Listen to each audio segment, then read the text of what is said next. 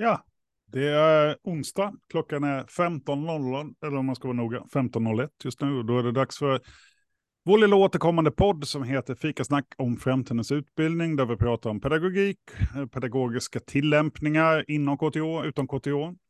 Eh, jag heter Johan Fridell, jag jobbar på IT-avdelningen och jag är poddvärd och med mig har jag programledare Anna Järbrandt. Tja, varmt välkommen. Tack. Eh, och vi kommer ju spela in det här för eftervärlden också. Vi kör det som en eh, livepodd i Zoom, men i efterhand kan man titta på YouTube eller lyssna på Spotify eller hur man vill. Eh, vi har ju också med oss Maja Rosén från eh, vår studentkår. Hej Maja! Hallå! Hej igen får jag säga, för det här är andra gången du är med. Du är vår första gäst som återkommer, så mycket stort tack för att du återigen ge oss eh, en bit av din tid. Ja, vilken ära. Jag har mycket att snacka om. ja, men det är utmärkt. Vi, vi, vi brukar säga att vi försöker köra 15 till 30 minuter, så brukar det bli 30 minuter. Men lyckas vi på 15, då har vi, då har vi lyckats riktigt bra. Jag, vet inte, eh, jag tänkte bara om vi ska börja med dig, Anna, lite kort. För mm. du är ju första gången som du sitter med i podden på det här sättet. Mm. Kan du bara berätta lite kort vem du är och vad du gör? Mm. Jag är, mitt namn är Anna Järbent. Jag är, är, anställd och tillhör industriell ekonomi och organisation på ITM-skolan. Men jag är främst jag är involverad i utvecklingsfrågor eftersom jag är grundutbildningsansvarig på ITM-skolan och dessutom biträdande programledare för framtidsutbildning. Så det är nog i de rollerna jag sitter här, främst som biträdande programledare. Ja, eh, och eh, idag ska vi prata lite grann om en undersökning som ni har gjort på från TOS sida som rör studenters åsikter om utbildningslokalerna. Eh, Maja, kan du inte bara kort berätta liksom bakgrunden till det här och vilka ni är som har gjort det och hur ni har jobbat med det? För sen tänkte vi vi ska borra lite i era slutsatser. Eh, för det här är ju jättekul att eh, få en temperaturmätare på liksom, vad ty tycker studenterna idag om våra lokaler. Jag har en massa förutfattade meningar om vad studenter tycker om lokaler. Och det, det, det kan vara fördomar eller förkunskap, jag vet inte. Det, det får vi se. Eh, men berätta lite om undersökningen, hur det här kom till. Ja, eh, det kom till i början av året. Redan i januari när jag klev på mitt uppdrag så märktes det att det fanns mycket missnöje och tankar om hur utbildningslokalerna ser ut. Och i samband med det så var också framtidens utbildning igång med tankar om hur vi vill att det ser ut framöver med olika undervisningsformer som kräver nya lokaler. Eh, och sen kom ju ekonomiska situationen på KTH upp i dagar kring vilka byggnader vi borde prioritera. Eh, och sen någonstans när campusöversynen drog igång så var det också otroligt aktuellt att undersöka vilka lokaler vi har. Så vi gjorde en liten förstudie, pratade med studenter i korridorer för att undersöka vilka aspekter som var viktiga och sen eh, drog vi ihop en enorm eh, enkätundersökning på drygt ett 40-tal frågor som vi fick 662 svar på. Och den datan har jag bearbetat sedan i april då för att ta fram olika slutsatser. Ehm, så det var uppdelat i hörsalar, datorsalar, sektionslokaler som studieyta, experimentella miljöer eh, och studie, studieplatser för självstudier eh, i olika avsnitt då i den här rapporten. Och slutsatsen är väl att allt är okej, okay, så vi går vidare, eller? Eh, Vad landade ni Många bra slutsatser. Datasalarna tyckte jag var lite rolig att se att studenterna är väldigt nöjda med mängden datasalar vi har idag. Mm. Det var rätt många slutsatser som inte var, var negativa och det är roligt att se att eh, våra studenter kan vara konstruktiva och uppskatta det vi har och, och lägga fokus på det vi faktiskt vill eh, förändra. Så studien var lite upplagd efter en positiv skala för att vi ska kunna prioritera vad vill vi mest satsa på snarare än för att säga vad som är bra och dåligt idag. För vi, mm. vi vet alla att, att det finns saker vi vill bli bättre på, men vad är viktigast eh, att ta tag i? Och vad är viktigast att ta tag i? ja, där ledde jag mig själv in i ett hörn. Eh, jag mm, eller hur? För självstudier är en av de viktigaste punkterna för att det är idag en väldigt eh, osynlig fråga på KTH i och med att vi inte följer upp eh, statistik på det på samma sätt som vi gör med nyttjandegrad och bokningsgrad för övriga eh, undervisningslokaler. Och det gör att den lätt hamnar i skymundan trots att det är en, en av de eh, vanligaste studieplatserna eller ja, studieytorna för studenter. Ungefär halva tiden erbjuds en student på KTH schemalagd undervisning. Resten av tiden så förväntas man tillgodogöra sig nya kunskaper på studieplatser för självstudier. Så det är jätteviktigt att de håller hög kvalitet och att det finns tillräckligt. Har du någon spontan reaktion där, Anna? Eh, du har ju jobbat mm. lite mer studentnära än vad jag har gjort och det var ett litet tag sedan. Eh, alltså, mm har det alltid varit så här att eh, självstudieplatser är någonting som har eh, eftersökts eller har det varit ännu sämre förr eller vad är dina tankar där? Ehm, um, efter, ja, det måste jag nog säga att um, så länge som jag har jobbat här så har det alltid funnits stort behov av självstudieplatser. Uh, det jag tycker är intressant nu med TOS formulering, det är inte så att det har blivit så nu, men man har ju um, hittat den här slå, liksom one-linen som jag tycker säger mycket. Uh, en studieplats är inte samma sak som en stol. Den är väldigt bra, därför att det visualiserar. Jag tror att det har vi, alltså behovet har funnits av självstudieplatser, men samtidigt har nog många på KTH, jag kan inte säga KTH, men många på KTH tänkt, ja men det finns ju stolar. Det finns ju stolar, det finns studieplatser. Um, och förr var det faktiskt mer öppet öppet.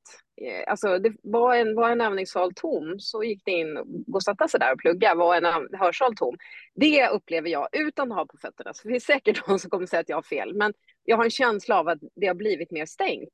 Pandemin stängde eh, självklart om många saker, men även en ja, mer skadegörelse, mer, man, det finns olika skäl till att man har stängt ner och blivit mer så här, nej den används inte, den är inte bokad, då är den inte öppen.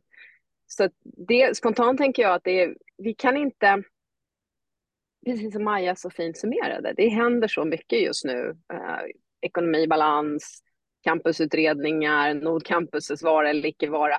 Vi kan inte bara, vi, jag tycker att vi för inte den här diskussionen på ett sätt så här, vi vill ha massor, utan vad kan vi göra med det campus vi har?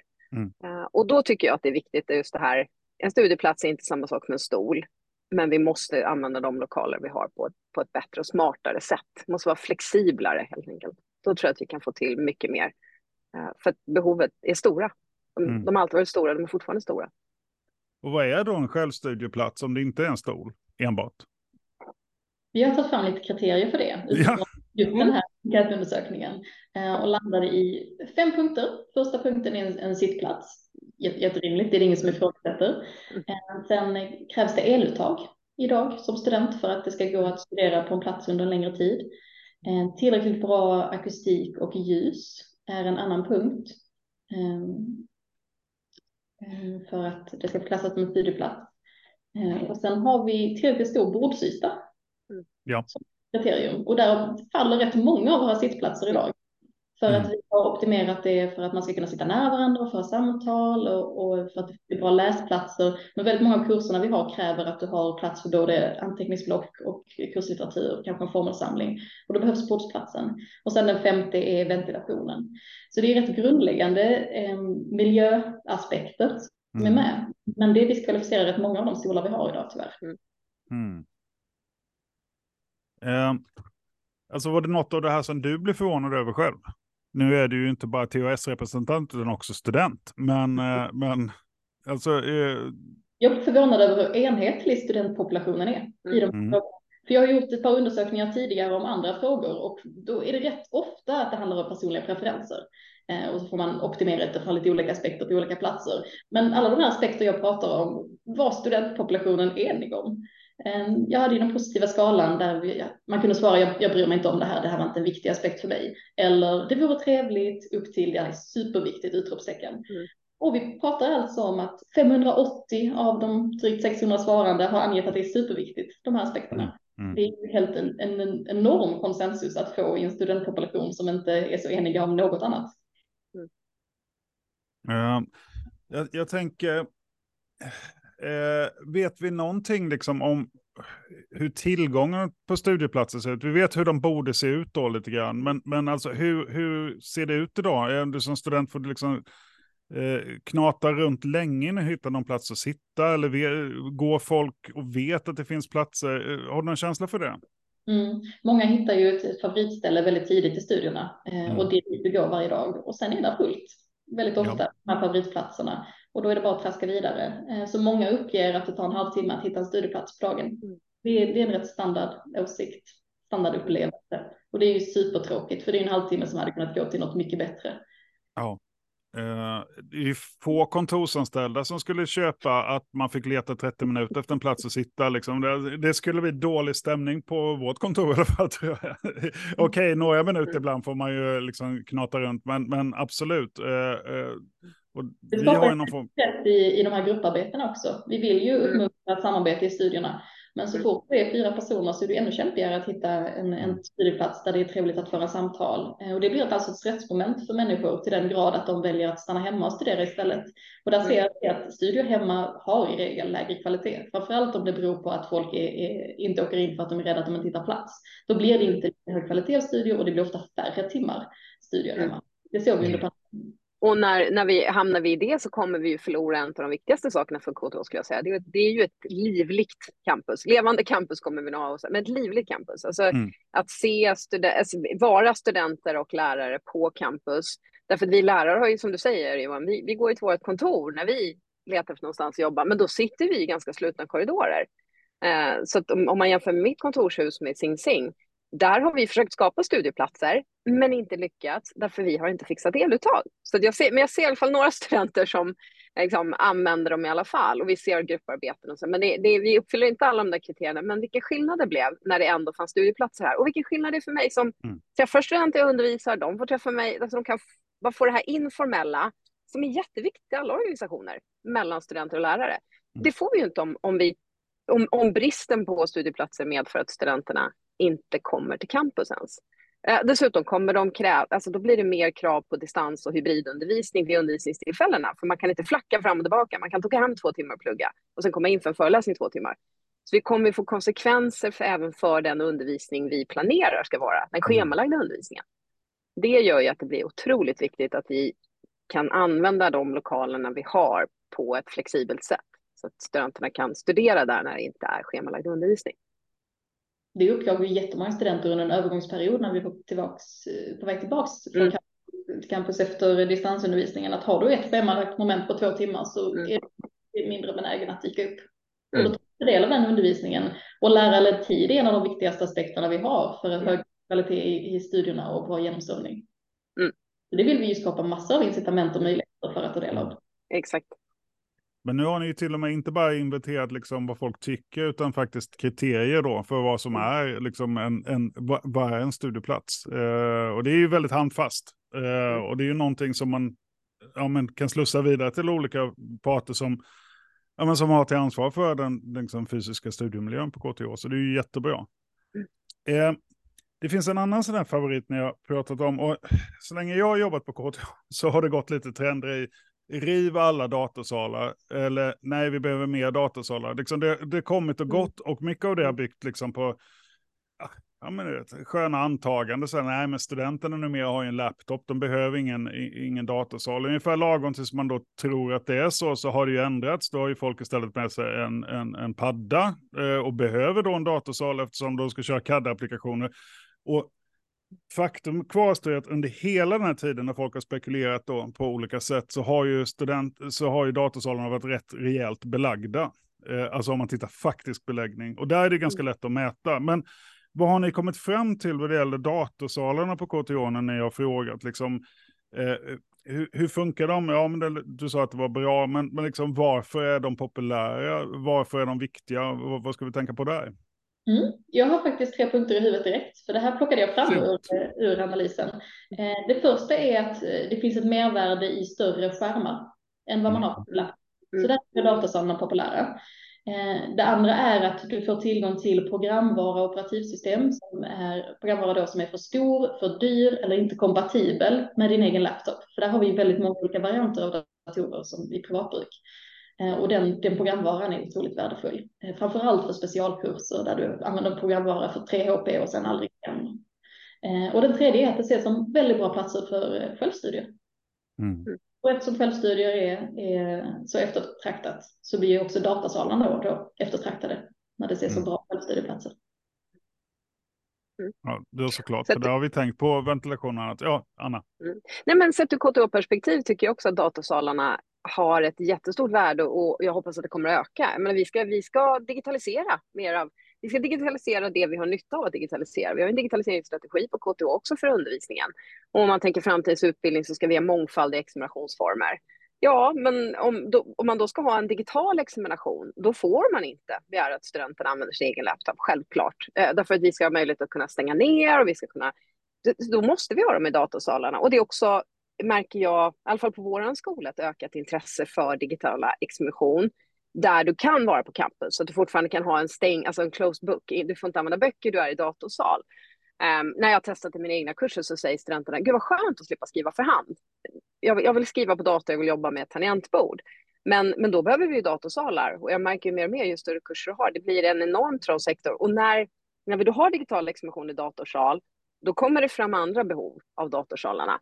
Och så ser jag, för jag har själv ronderat då, liksom, och ställer frågor, så säger studenterna att de som ville använda datorsalen för självstudier blir lite så här, ah, har ni bokat? Liksom? Men vi hade ju tänkt sitta här. Mm. Uh, så det tyder ju på att vi, vi kan, vi, vi, måste ta med det här i att de, det ska både vara så att säga, examination och bara en dröm. Tänk att ha löpande digital examination, alltså eh, eh, digital examination där du bara går in i datorsalen när det passar dig och skriver in quiz. Men då måste vi ha tillgänglighet. Mm. Eller planera dem på ett sådant sätt att man kan boka eller båda har bokning. Och så så det, datorsalarna tycker jag kommer att växa ännu mer, både för självstudier och för examination och undervisning. Alltså det är inte läge att riva dem ännu. Inte nu heller. Det är det. Nej, men alltså datorsalar kräver ju underhåll, de kräver ju ditt och mm. datt och så vidare. Men så länge det används, och det går ju att mäta då som sagt, så, så tror jag att det, det är liksom ganska enkelt att och, och liksom få, liksom få gehör för att de behövs. Um, och, och, som sagt, i takt, precis som du säger, Anna, i takt med att vi faktiskt snarare tittar på att digitalisera fler och fler element, så kommer vi behöva kanske också mer flexibla datorsalar. Datorsalar med tunna klienter eller vad det kan vara. Eh, och idag är ju inte datorer lika stöldbegärliga som de var för 20 år sedan. Då var ju en dator, mm. det gick ju kränga av, för det är ju ingen som köper en begagnad dator. Ja, det kanske det är, nu ska jag inte uppmana här då, men eh, det, men, men då är det istället att vi behöver ett antal och vi behöver rätt typ av skärmar. Vi behöver möjlighet att man kanske kan kollaborera kring samma arbetsstation, bra luft eller vad det nu är då. Saker som kanske inte självklart utmärker datorsalar i alla lägen mm. eh, idag då. Eh, ni, ni, har ju undersökt massa grejer så det finns så mycket att gräva i här. Eh, men en, en, annan grej som, som för mig eh, som ju inte, liksom, har inte svart bälte, liksom didaktik idag då, men experimentella miljöer, vad, vad är det för något som ni har kikat på? För där, där, där börjar det bli grejer jag inte känner igen mig i och det är ju kul. Experimentella miljöer, ja då är vi ute och, och testar våra teoretiska kunskaper i praktiken men ändå i en, i en miljö som är ämnad för det syftet. Så då pratar vi labbsalar, verkstäder, den typen av lokaler där du har praktisk utrustning att, att leka med och framförallt så måste du få testa egna idéer. Det kan inte vara så att du får en uppdrags, uppgiftslydelse i handen och sen ska du förverkliga det, för då, är det bara praktisk undervisning. Utan en experimentell miljö måste få vara ett, ett utrymme att skapa själv, att testa. Så det var ju något jag undersökte rätt mycket. Vad tycker studenterna att en experimentell miljö är? För det är väldigt många som uppgifter att de vill ha mer tid i experimentella mm. miljöer i sin undervisning. Det är också mm. ett tecken på att vi gått bort från tiden när ingenjörsutbildningarna hade mycket praktik och så. Det är väldigt tillväxt idag. Mm. Mm. Eh, har vi kommit fram till, till lite aspekter som de, när studenterna svarar, eh, är, att de vill ha mer experimentella miljöer, vad är det de tänker på? De tänker att de vill ha kunniga personer i det här rummet. Alltså lite, lite mm. människor att prata med. Eh, mm. De vill ha en välkomnande kultur och atmosfär, sa de. Mm. Det var jättespännande att man lyckas sätta ord på det önskemålet eh, när man mm. Sitter och en enkät. Och sen är det utrustning och material givetvis, lite grundförutsättning. Mm. Och sen något som jag valt att sammanfatta i lättillgängligt. Och då mm. pratar jag om att det ska vara öppet eh, så att man har möjlighet att pussla det med livet när, när man har möjlighet när, att komma dit. Men också att det är tydliga regler så att man är trygg med att man kan göra rätt i det här forumet. Man är trygg att man vet vad man ska förhålla sig till.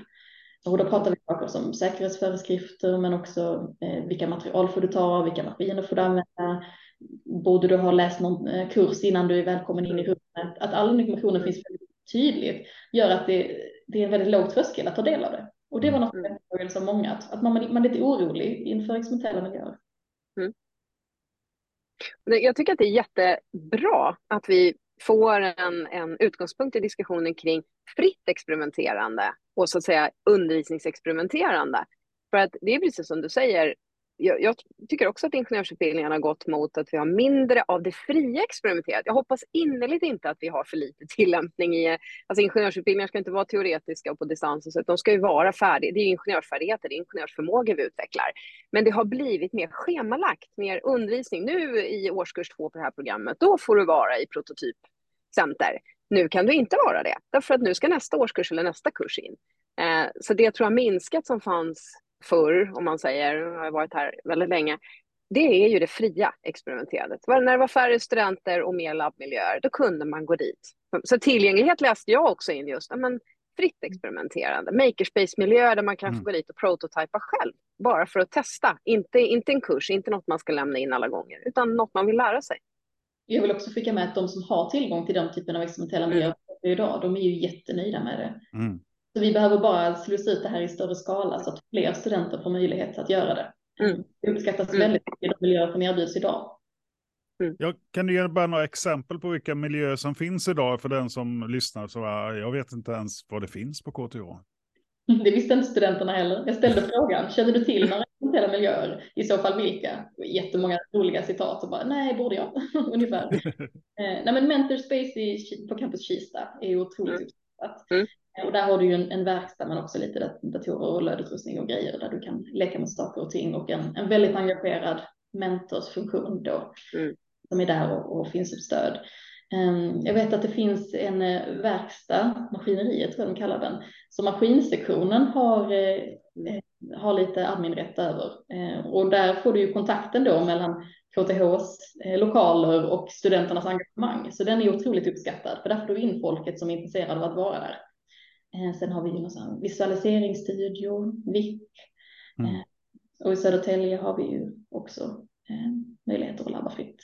Ja. Mm. ja, det finns många, många exempel. Mm, mm ja, men det, för man ser ju att de som väl hittar det verkar ju lägga ganska mycket tid där också. Mm. Men många lägger noll timmar och det kan bero på att de inte känner till dem alls. Eh, vi fick en chattad fråga här, det uppskattar mm. vi, eh, ni som tittar också. Det är jättefint att ni chattar in. Tänk om varje sektion skulle ha egna studieplatser, en egen datorsal för studier med sina, inom citationstecken, vanliga programvaror och hårdvaror som behövs. Är det en galen idé? Frågetecken. Det finns ju lite specialiseringar. Så de som pluggar teknisk kemi, de vet ju vilka datorsalar som är bättre anpassade för deras kurser. Den typen av inriktning finns, men mm. borde förtydligas lite mer för studenterna som letar efter det. För det var också en efterfrågan, den här, jag är ute efter en programvara, var 17 hittar jag den? Eh, och då har ju fina sammanställningar på det, men lyckas uppenbarligen inte kommunicera det till studenter. Det gäller öppna studieplatser också, tillgängliga studieplatser. Det finns studieplatser på campus som det är väldigt få studenter som har koll på att de finns. Vi är mm. välkomna till datorsalar, jättemånga datorsalar dygnet runt. Hur många studenter känner till det? Nej. Nej, så jag, kan tycka, jag tycker inte att det är en galen idé. Jag tycker det, det kan vara där man börjar. Eller man, jag tror att det kommer att ske lite automatiskt. För sektionerna, eller programmen har sina kurser lite placerat. Maskin är ju ofta uppe på maskindop också under vissa perioder. Mm. Då mm. blir det koppling till olika. Utan jag, jag, tänker att vi nog ska, för vi ska också främja att man jobbar över programmen.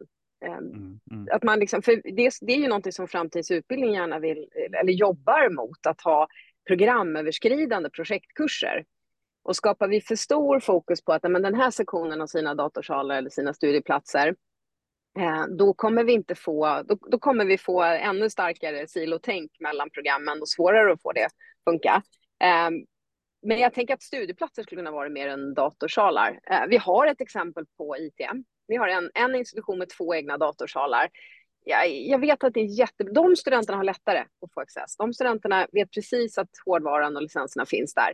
Men å andra sidan är de två salarna totalt avskurna från resten av studenterna. Så det blir, en, det blir mm, bra för mm. det programmet, men det blir dåligt för helheten. Så ja. Jag vet inte, vi måste balansera det där. Och med tanke på att vi har en ekonomisk situation som inte tillåter oss att sväva ut, så måste vi nog tänka att alla ska ha tillgång just nu. Uh, för, att, för att göra det bra för uh, allihopa, alla studenter, inte bara vissa. Ja, men jag tycker det är en skillnad att optimera olika studieplatser för olika eh, syften och att stänga av mm. för alla. Det är jätteviktigt att man fortfarande har en bredd av mm. studieplatser och att, att de är bästa för det syftet. Och så får man förmedla vad det är vi har tänkt på när vi har anpassat den här eh, utbildningssalen så att folk kan mm. söka sig dit där de passar bäst eller trivs det är, Det är jättebra. Och det är att vi kan göra med datorsalar också. Det behöver inte vara ett problem Ja, men det låter också som att man skulle behöva lite sökfunktioner som gjorde att man utifrån programvara och mm. hur många vi är, eh, var, var finns det förhoppningsvis lediga lokaler som svarar mm. mot de här kriterierna. Alltså, så det, mm. det, mycket, Och det är lite, lite som du sa där Maja, att jag menar vi har himla mycket grejer. Det är bara att det kan vara svårt att veta var man hittar dem. Eller det kan vara svårt till och med att veta var jag ska börja leta. Eh, mm. KTH Places eller vart ska jag gå liksom för att eh, liksom, mm. hitta den här. Eh, så att där får vi väl klura på också då, att både optimera så sagt det fysiska men också hur man hittar till de fysiska resurser vi faktiskt har. Men eh, som det Maja sa, om man ärligt tittar vi på aktivitetsbaserade kontor som många företag har, mm. då har man en bokningsfunktion. Ja. Det är inte så att folk åker in och chansar. Då, då, skulle de känna precis som våra studenter. Det är inte värt ja. att åka runt, ja. gå runt en, en halvtimme och se om jag hittar en, en ledig arbetsplats. Så det borde KTH definitivt satsa på, en bokningsfunktion som gör att studenterna kan se vad är ledigt. Den här typen av studieplats letar efter vad är ledigt. Det, mm. det skulle jag verkligen önska. Det finns på vissa håll, KTHV har det till exempel för en, åtminstone en del studieplatser, men man skulle vilja ha det för allt, även programvara och vad det nu är då, eh, mm. kan man tänka. Och där har jag hört ett orosmoln för, kring eh, eh, att bokningsgraden inte är samma sak som nyttjandegrad. Att man mm. är rädd att bli uppbokade och sen inte kan användas av någon ifall boket inte dyker upp. Men där har vi jättefin statistik från just KTHB som du nämnde att det används varenda timme. Det är full beläggning om mm. grupprummen. Mm. Eh, det är elva grupper vill jag minnas i KTHB mm. och bokningsfunktionen. Så det är inte ett orosmoln jag har överhuvudtaget om vi skulle börja göra studieplatser och grupprum bokningsbara. Jag tänker det är något man kan testa och sen utvärdera också. Mm. alltså, ska vi vara helt säkra då blir, vågar vi aldrig göra någonting utan ibland får vi bara experimentera. Eh, tiden börjar eh, löpa på här. Vi sa att är vi klara på 15 minuter är det ju rekord och det är klart vi inte blir för vi har ju saker att prata om. Eh, men jag tänkte så här, eh, det här arbetet Maja, nu är det gjort. Eh, ni har, rapporten finns tillgänglig, man kan läsa den. Vad, vad ser du som ett logiskt nästa steg? Vad tar man det här vidare till? Och jag vill ju att alla ska läsa rapporten och känna vad de själv kan bidra givetvis. Men mm. min stora önskan är att KTH sätter sig ner och funderar på vilka aktörer och aspekter som man vill ha med i en typ av plan, strategi för hur vi vill prioritera våra undervisningslokaler framöver. Just eftersom vi har så många förändringsprocesser på gång samtidigt, att det finns en, en tanke om vad det är vi prioriterar och inte eh, massa minisatsningar och så ser vi var vi råkar hamna i helheten. Och det finns det massor av personer på KTH som är beredda att ta tag i just nu, mm. vilket är väldigt roligt. Så jag ser fram emot att vara en del av de samtalen här under hösten. Kul. Och eh, jag tror och hoppas, för det, det, här, det här är någonting som intresserar väldigt många. Det finns priogrupper där lärare tittar på lokaler också, så det, det, det finns liksom saker att jacka in detta i. Det kanske blir en ny undersökning eller någon form av utvecklingsprojekt kanske i nästa steg. Vi får se. Eh, Anna, har du någon sån avslutande tanke kring det här? Ja, den, den mappar väldigt väl med det Maja sa. Vi är på KTH på alla nivåer, alla olika perspektiv väldigt duktiga på att göra bra utredningar och skriva rapporter som vi delar. Men nu måste vi lära oss, och särskilt i det här fallet, ta nästa steg. Okej, okay, vad betyder det här då? Och vi har, vi har, jag är jättetacksam för att det här finns nu i campusutredningen. Det blir mycket lättare att identifiera vad vi inte får tappa bort och vad vi liksom i beslutsfattandet måste ta med i framtidens utbildning när vi tittar långsikt, mer långsiktigt strategiskt på campus i varje enskild fråga när vi kommer upp i att ja, men, det här, när vi, när vi GA till exempel involverar sig, men det här, det här blir en diskussion om just datorsalarnas utveckling, eller övningssalarnas ut, eller hörsalarnas utveckling. Så kan man ha med sig det här. Det här är en viktig del i beslutsfattandet som är mycket tydligare nu tycker jag. Så det, vi måste ta in det här i handling, det som har framkommit tydligt eh, ur studenternas perspektiv. Och därför är det väldigt, väldigt värdefullt att det är så välformulerat så att vi har fått med oss det.